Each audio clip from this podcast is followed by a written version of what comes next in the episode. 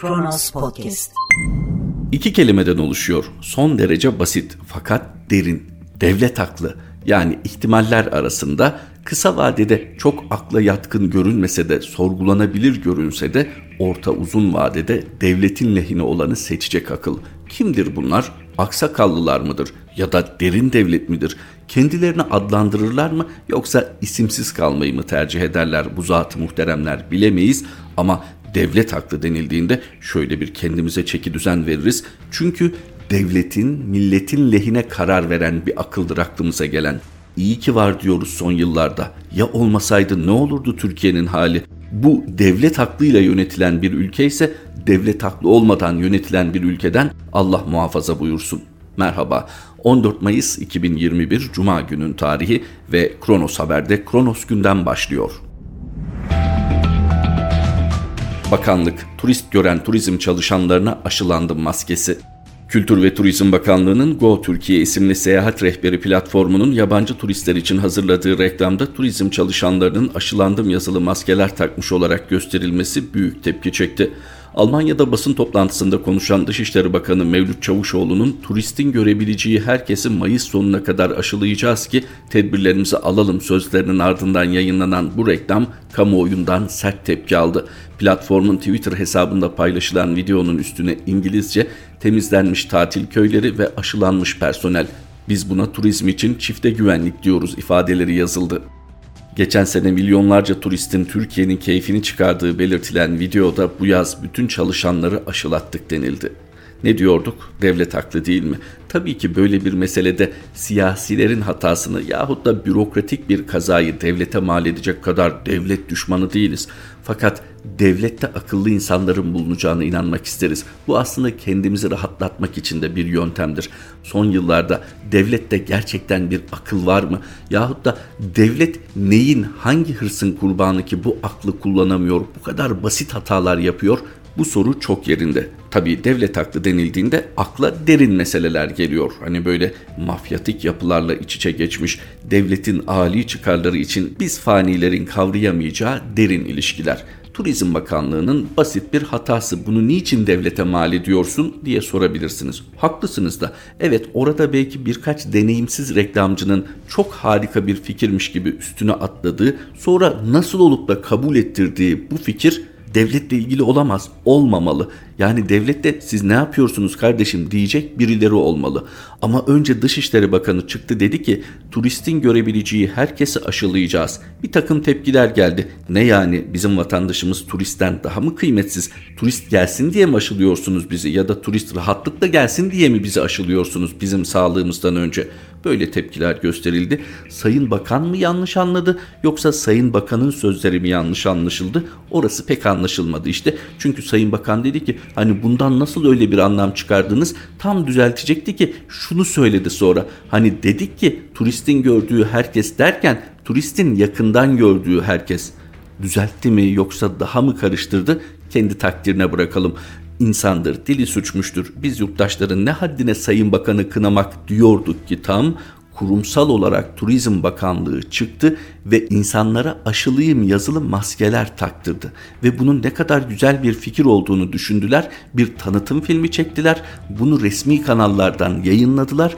Sonra tepkiler üzerine biri dedi ki biz ne yaptık ve apar topar kaldırıldı. E tabi biliyorsunuz internete düştükten sonra hele bir de geniş kitlelere mal olduktan sonra kolay kolay kaybolmuyor bir ileti. Gerçekten kimse düşünmedi mi bunu? Yani bunun bir evcil hayvan çağrışımı yapacağı kimsenin aklına gelmedi mi? Biz mi çok art niyetliyiz yoksa bu fikri bulup ortaya çıkaranlar, geliştirenler ve ciddi ciddi üzerine tanıtım filmi çekerek paylaşanlar mı çok iyi niyetli, saf ve temiz bir kalbe sahip? Yani diyeceğimiz o ki aşk olsun aşılayamadınız bari aşağılamasaydınız da. Ne diyorduk? Devlet haklı değil mi? Devleti ve devlet hakkını kutsuyorsanız dikkatle dinleyin. Hakkında dosya var haber veririm demedin mi Süslü Süleyman? Ramazan bayramı sabahı dördüncü videosunu YouTube üzerinden paylaşan organize suç örgütü hükümlüsü Sedat Peker, İçişleri Bakanı Süleyman Soylu'yu hedef aldı. Peker, Silivri Emniyet Müdürü Hakan Çalışkan'ın intiharı ile ilgili Soylu'ya Silivri'de intihar eden emniyet müdürünü anlatsana Arkadaşları onun neden intihar ettiğini biliyorlar. Neden söylemiyorlar? Anlat temiz Süleyman, tertemiz Süleyman, süslü Süleyman ifadelerini kullandı. Yayınladığı videoların ardından İçişleri Bakanlığı'nın iftira ve ithamları güvenlik güçlerimiz ve devletimiz üzerine yeni bir organize suç faaliyeti olarak değerlendirilmektedir açıklamasına karşılık veren Peker her şeyi anlatacağım dedi. Peker çektiği videoda İçişleri Bakanı Süleyman Soylu hakkında bir takım iddialarda bulunarak Süleyman Soylu sen Sedat Peker'e dosya hazırlıyorlar. Tehlikeli bir durum olursa haber vereceğim demedin mi? Koruma polisimi sen vermedin mi? Temiz Süleyman'ın istifa olayı var ya bir gün önce robot hesaplardan tweetler hazırlandı dedi.'' Sedat Peker, Sayın İçişleri Bakanımız Süleyman Soylu, Temiz Süleyman, Aslan Süleyman benimle ilgili bir tweet atmış. Pislik, mafya demiş. Ondan önce suç örgütü demişti. Bugün size Temiz Süleyman'ı anlatacağım sözlerinin ardından şu iddialarda bulundu diyor Kronos Haber ve devam ediyor. Birkaç cümle aktaralım. Bizim Temiz Süleyman var. Sayın İçişleri Bakanımız bir arkadaş aradı dedi ki Süleyman Bey'in üzerine çok geliyorlar. Bir şeyler söyleyecek. Arkadaş kusura bakmasın. Bizim temiz Süleyman bir tweet attı. Suç örgütü liderini takipteyiz. Tamam millet buna biraz daha saldırınca ertesi gün pislik mafya lideri dedi. Şimdi namusluca konuşacağız. İnsanın yalan söyleyip söylemediği her şeyinden belli oluyor. Ben zaten delilleriyle anlatacağım dedi ve namus sahibiysen konuş diyerek devam etti sözlerine Sedat Peker. Sedat Peker her şeyden önce organize suç örgütü lideri denilmesine alınmış. Evet bu konuda hükümlü ama bu hükmün gerekçesini de anlatıyor. Hani kendince ortada suç örgütü lideri olarak tanımlanmasını gerektirecek bir durum yok. İşte bizim kanunlarımızın azizliği, yaptığı işler ona karşılık geliyormuş. Ki bunca hadiseden sonra Sedat Peker de haklı çıkabilir. Onu da parantez içinde belirtelim uzun uzun analizler yapıldı, öngörülerde bulunuldu. Yani Sedat Peker'in her şeyden önce ilk videolarında masaya koyduğu bir takım objelerin göndermeleri üzerinde duruldu. Sözlerinden asıl söylemek istediği anlaşılmaya çalışıldı. Konunun uzmanları hakkını verdi. Burada bizim canımızı yakan şu. Biz bir devletten ve o devletin bir aklından emin olmak istiyoruz. Ortada bir devlet varsa bu kadar kriminal yapılarla nasıl iç içe geçebilir? Nasıl bir siyasi iktidar, nasıl bir siyasi irade var ki devleti bu suçlularla kol kola vaziyete getirmiş? Bunu yaparken hiç mi korkmadınız? Bunu yaparken hiç mi utanmadınız? Bunu yaparken hiç mi düşünmediniz? Devlet temiz kalmaz ve devlet kirlendiği zaman onu temizlemek de kolay olmaz. Hani herhangi bir siyasi makamdaki, herhangi bir bürokratik pozisyondaki bozulmaya benzemez. Alırsınız, tabiri caizse keser atarsınız, kurtarırsınız belki orayı. Nedir? Nedir? Bakan kendi bakanlığına önce etik olmayan sonra anlaşıldığı kadarıyla hiç hukuki de olmayan bir yöntemle kendisiyle irtibatlı bir şirket üzerinden ürün satışında bulunuyor. Bakanı görevden alırsınız. Hani kıyamadınız, soruşturma da açmadınız ama temizlediğinizi düşünebilirsiniz. Evet kısmen de bir gözdağı vermiş olursunuz. Belki başkaları buna cesaret etmez ya da kitabına uydurma konusunda daha hassas davranır. Peki topyekün devlet kirlendiğinde Malum hani bu ifadeye bile çok kızacak devlet sevdalıları var. Devleti kutsayanlar var. Hani devlet bir tüzel kişiliktir. insanlar hata yapar. Devlet için böyle konuşma diyeceklerdir. Devlet bir aygıttır. Çok gelişmiş bir aygıttır fakat insan aklıyla yönetilir, insan marifetiyle yönetilir. Üstelik insanlar art niyetli olduğu oranda devlet de kötülüğe bulaşabilir. Hatta temizlenemeyecek kadar kötülüğe bulaşabilir. Hani çok acılı, çok sancılı bir süreçten geçerek temizlenecek kadar kirlenebilir devlet. O halde önce şu devlet ve devlet aklı kavramlarının hakkını verelim. Devlet sanıldığı gibi kutsal bir kavram değildir.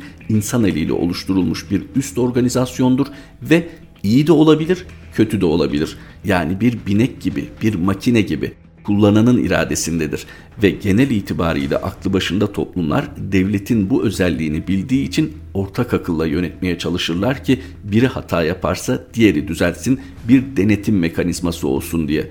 Fakat Türkiye'de görüyoruz ki devlet bineğini ele geçirenler, devlete gem vuranlar tamamen kendi istekleri doğrultusunda. Bakınız halkın, milletin, ülkenin çıkarları değil, tamamen kendi çıkarları doğrultusunda çok çok farklı, çok tuhaf, çok kriminal ilişkilere girmişler. ve bu o kadar iç içe geçmek suretiyle yapılmış ki ayıklamanız mümkün değil. Ayıklarken devlet de zarar görüyor. Bakınız Emniyet Müdürlüğü, İçişleri Bakanlığı, Adalet Bakanlığı yapmış bir isim çıkıp diyor ki çöktüğü iddia edilen bir marina ile ilgili ben burada rica üzerine bulunuyorum profesyonel yöneticiyim. Hani ben olmazsam buraya mafya çöker şeklinde bir ifadede kullanıyor. İçişleri Bakanı kırıldığını belirttikten sonra bu cümlesi için özür diliyor. O ve aktif siyasetteki oğlu çok ciddi suçlarla itham ediliyor. Kim tarafından? Onlarla bir dönem bu kirli ilişkilerde kol kola yürümüş. Bir dönem dediysem 20-30 sene önceden bahsetmiyoruz.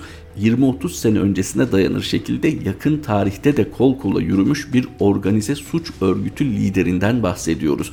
Yani bir polisiye roman yazarının çok okunmak için ortaya attığı bir iddiadan bahsetmiyoruz. Bizatihi yaptım, ettim, konuştum, gördüm diye birinci tekil şahıs üzerinden anlatan birinden bahsediyoruz. Konuyla ilgili son derece doyurucu analizler, ayrıntılı yorumlar yapıldı. Bir sade vatandaşın hangi partiye oy verirse versin, bir sade vatandaşın düşünmesi gereken de şu. Devlet bu mu? Devlet böyle mi olmalı? Yani bu ilişkileri normal mi karşılamalıyız? Bakınız ortalama normal bir ülkede yani ileri bir demokrasiden, toplum bilinci gelişmiş bir ülkeden bahsetmiyoruz. Ortalama normal bir ülkede hükümet şimdiye kadar istifa etmişti. Hiç değilse utancından istifa etmişti. Hükümet istifa etmedi mi? En azından ismi geçenler özür dileyerek sahneden çekilmişti. Hoş özür dilemek kurtarmaz. Hani bu insanlar hakkında soruşturma açılmış olmalıydı. Kim açacak soruşturmayı? Müge Anlı mı? Savcılar nerede diye siyasiler yakınıyor. Onlara da iki çift söz etmek gerek. Muhalif siyasiler özellikle. Devletin bir savcısı yok mu diyenler. Devletin savcıları takip ediyorsanız sosyal medyada şimdi karpuz satan savcı gördünüz mü diye paylaşımlarda bulunuyor. Kimileri ülkede ancak geçinmeye çalışıyor, kimileri kendilerini bir şekilde yurt dışına attı ve siz şimdi içeride namuslu bir savcı arıyorsunuz. O savcılar mesleklerinin gereği, bakın namuslarının gereğini demiyorum, mesleklerinin gereğini yerine getirirken onlara sahip çıkmadınız. Onlar olmadık iddialarla terör örgütüne üye olmakla, darbeye kalkışmakla suçlanırken siz dut yemiş bülbül gibiydiniz. Çünkü büyük bir ihtimalle sizin de tasfiyesinden memnun göründüğünüz bir grubun devletten kazındığını düşünüyordunuz. Sonuç öyle mi oldu? Eğer bunun doğru olduğunu düşünüyorsanız devleti, Türkiye Cumhuriyeti Devleti'ni hani her fırsatta yüce milletiyle övdüğünüz devleti bir kere daha gözden geçirin. Sedat Peker son videosunda açık açık Süleyman Soylu'yu hedef aldı. Süleyman Soylu ile ilgili normal bir insanın gerçekten utanç içerisinde görevi terk etmesine yetecek malzeme verdi. Fakat Sayın Soylu bizi şu dakikaya kadar şaşırtmadı. Onun farklı bir yöntemi var biliyorsunuz. Biri kendisini A konusunda suçladığında o konuyla doğrudan ilgisi olmayan şahısların özellikle muhalif şahısların vatan millet üzerinden eleştirisine girişiyor hemen her ilişkinin rant üzerinden kurulduğu bu sistemde de kimsenin ikna olmasına gerek yok. Yanında durmasının menfaati gereği olduğuna inanan kim varsa bu sözlerini takdir ediyor, alkışlıyor ama gerçekliği üzerinde durmuyor. Yani Sayın Kılıçdaroğlu'nun, Sayın Meral Akşener'in, Sayın Ahmet Davutoğlu'nun bu konuyla ne ilgisi var Sayın Bakan demiyor. Bakan diyorsa alkışlıyor ve geçiyor. Çünkü orada bulunmasının bir takım menfaatleri için zaruri olduğunu düşünüyor. Ama insani gereklilikler kimin umurunda? Oğlumla gurur duyuyorum diyen Ağar Soylu'dan özür diledi. Sedat Peker'e yüreği yeten Türkiye'ye gelir dedi. Eski İçişleri Bakanı Mehmet Ağar, organize suç örgütü lideri Sedat Peker'in kendisine yönelik eleştirilerine cevap verdi. Peker'in kendisi ve oğlu AK Parti milletvekili Tolga Ağar'la ilgili ifadelerini yalanlayan Ağar, Bodrum Yalıkavak Marina için bugün eğer mafya buraya giremiyorsa bizim burada olmamızdandır şeklindeki sözlerinin de kızgınlıkla söylendiğini kaydederek Emniyet Teşkilatı'ndan İçişleri Bakanı Süleyman Soylu'dan özür diledi rica üzerine profesyonel yönetici olarak orada bulunduğunu, kendisinin orada olmaması halinde oraya mafyanın çökeceğini söylemişti hatırlayacaksınız. Bu ifadesinin kızgınlıkla ağzından çıktığını, doğru olmadığını, İçişleri Bakanı'nın işini gayet iyi yaptığını söyledi. Evet kızgınlıkla insan böyle bir şey söyleyebilir. Fakat kendisine yöneltilen ithamlardan dolayı kızan birinin hemen aklına mafyanın çökmesi gelmesi ilginç değil mi? Kendisi Adalet Bakanlığı yapmış, İçişleri Bakanlığı yapmış, Emniyet Genel Müdürlüğü yapmış. Hani devleti çok iyi biliyor değil mi devletin işleyişini? Orada bir güç olmazsa orada illegal bir gücün olacağını biliyor. Peki kendisi ne kadar yasal? E devlete uzun süre hizmet etmiş birinin orada yasal olarak bulunmadığını mı iddia ediyorsunuz? Bakınız iddia edilebilir. İddia başka ama bunun hukuki bir gereği varsa bu yerine getirilir. Her şeyden önce ağızlarından vatan, millet, bayrak, ezan ifadeleri düşmeyen bu insanlar özellikle kendi ilişkilerinde hani hep bir delikanlılık yaklaşımı üzerinden ilerliyorlar ya her şeyden önce delikanlı olan ki asla cinsiyetçi bir tasnifi doğru bulmuyorum. Sadece jargonda öyle geçtiği için kullanıyorum. O kadar delikanlıysa bu isimler önce yapmaları gereken devletin zırhından soyunmaktır. Yani bakan soylu, eski bakan ağır yapacağınız tek şey buyurunuz bizi yargılayınız diyebilmektir. Yani bulunduğunuz pozisyonları terk etmeniz gerekir. Düşünün Emniyet size bağlı, jandarma size bağlı, siz bakansınız ve bizim iddia edilen işlerle hiçbir ilgimiz yok diyeceksiniz. Bırakın pozisyonunuzu önce o zırhtan sıyrılın. Sizi insanlar özgürce araştırsınlar, soruştursunlar. Hukuki gereklilik neyse yerine getirsinler. Biz de diyelim ki gerçekten iftira edilmiş. Tamam muhatabınız bir suç örgütü lideri fakat delilleriyle konuşuyor. Delilden kastettiğimiz ne? Şu saatte şu kişiyle şu konuyu konuştun mu? Telefon kayıtlarına bakabilirsiniz. Zamanlamasına bakabilirsiniz. Hatta işte tam da camiasına uygun olarak parmaklarını kesmekten, bileğini kesmekten söz ediyor. Eğer ona onun yöntemiyle cevap verecekseniz, hukuk açısından bu boş meydan okumalar devlete millete bir şey katmayacak. Belki kurduğunuz o ilişkilerin devamını makas değiştirerek sağlayacak ama devleti temizlemeyeceği kesin. Ve özellikle Mehmet Ağar oğlumla gurur duyuyorum demiş ya ne güzel Allah isteyen herkese gurur duyacağı çocuklar nasip etsin. Çocuğunuz fırından ekmek çalmakta suçlanmıyor Sayın Mehmet Ağar. Çocuğunuz Ramazan'da pide kuyruğunda insanların hakkını gasp etmekte suçlanmıyor. Çocuğunuz tecavüz ve cinayetle suçlanıyor. Ha diyeceksiniz ki hukuki süreç tamamlandı. Bakınız ortada son derece vahim iddialar var ve sözüm ona o hukuki süreç tamamlanırken sizin ilişkileriniz çok şüphe uyandırıyor. Neden bu zırhlardan sıyrılmıyor Sayın Tolga Ağar? Neden milletvekilliğinden istifa edip özgür bir soruşturmanın önünü açmıyor. Tabii şu şartlarda yargı ne kadar yargı, yargı bürokrasisi bu vazifeyi ne kadar yerine getirir tartışılmaz bile. Ama gerçekten aklanmak isteyen söylemin ötesine geçer. Yine Sayın Ağar'ın ifadelerinde geçen bir başlık var. O da iş insanı Mübariz Mansimov'u Pensilvanya'ya götürmek. Sayın Mansimov'un ifadesinde böyle geçiyor. Hani beni götüren ve tanıştıran kendisidir diye. Sayın Ağar bu konularda çok hassas olduğu için diyor ki bugün de hapis hayatında cevap verme imkanı olmayan bir kişiye fazla bir şey söylemem. Ne kadar hassas, ne kadar düşünceli. İleride cezasını bitirir. Nasip olursa o zaman her şey konuşulur diyor. Ama şu kadarını söylemek zorundayım. Kendisi defalarca oraya gitmiştir. Herkes bilir bir seferinde beraber gittik. Benim gidiş gelişimden de devletin bilgisi vardır. Bu kadar söyleyeyim kapatalım şeklinde bir cevap veriyor Erdoğan Aktaş'a Sözcü TV'de. Sayın Ağar ne kadar güzel söylüyor ve ne kadar güzel bir ipucu veriyor bu konularda yargılananlara. Benim gidiş gelişimden de devletin bilgisi vardır. Devlet adına hangi sıfatla gittiniz? Devlet adına hangi sıfatla kimi kiminle tanıştırdınız? Devlet adına ne iş yaptınız siz Sayın Ağar? Sizin gidiş gelişinizden devletin bilgisi var da tamamen yasal, tamamen meşru kurum ve kuruluşlarla irtibatlı olan oralarda iş yapmış insanların faaliyetlerinden devletin haberi yok muydu acaba?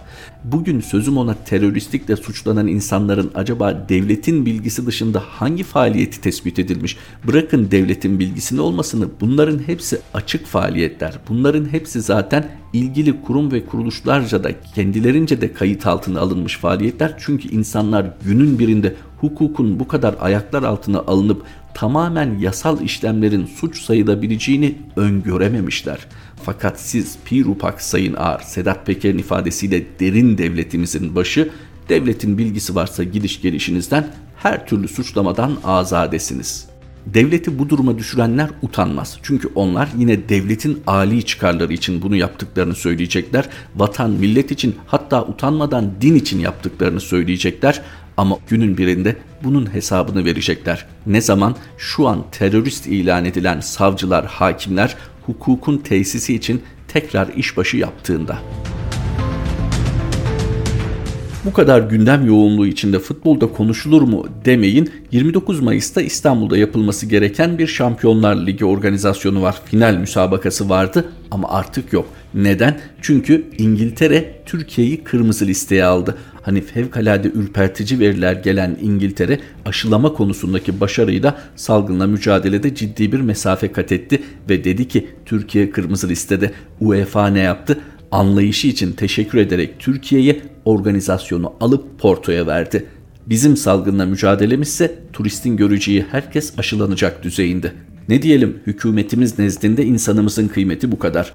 Kronos gündemin sonuna geldik. Kronos Haber'de tekrar buluşmak üzere. Hoşçakalın. Kronos Podcast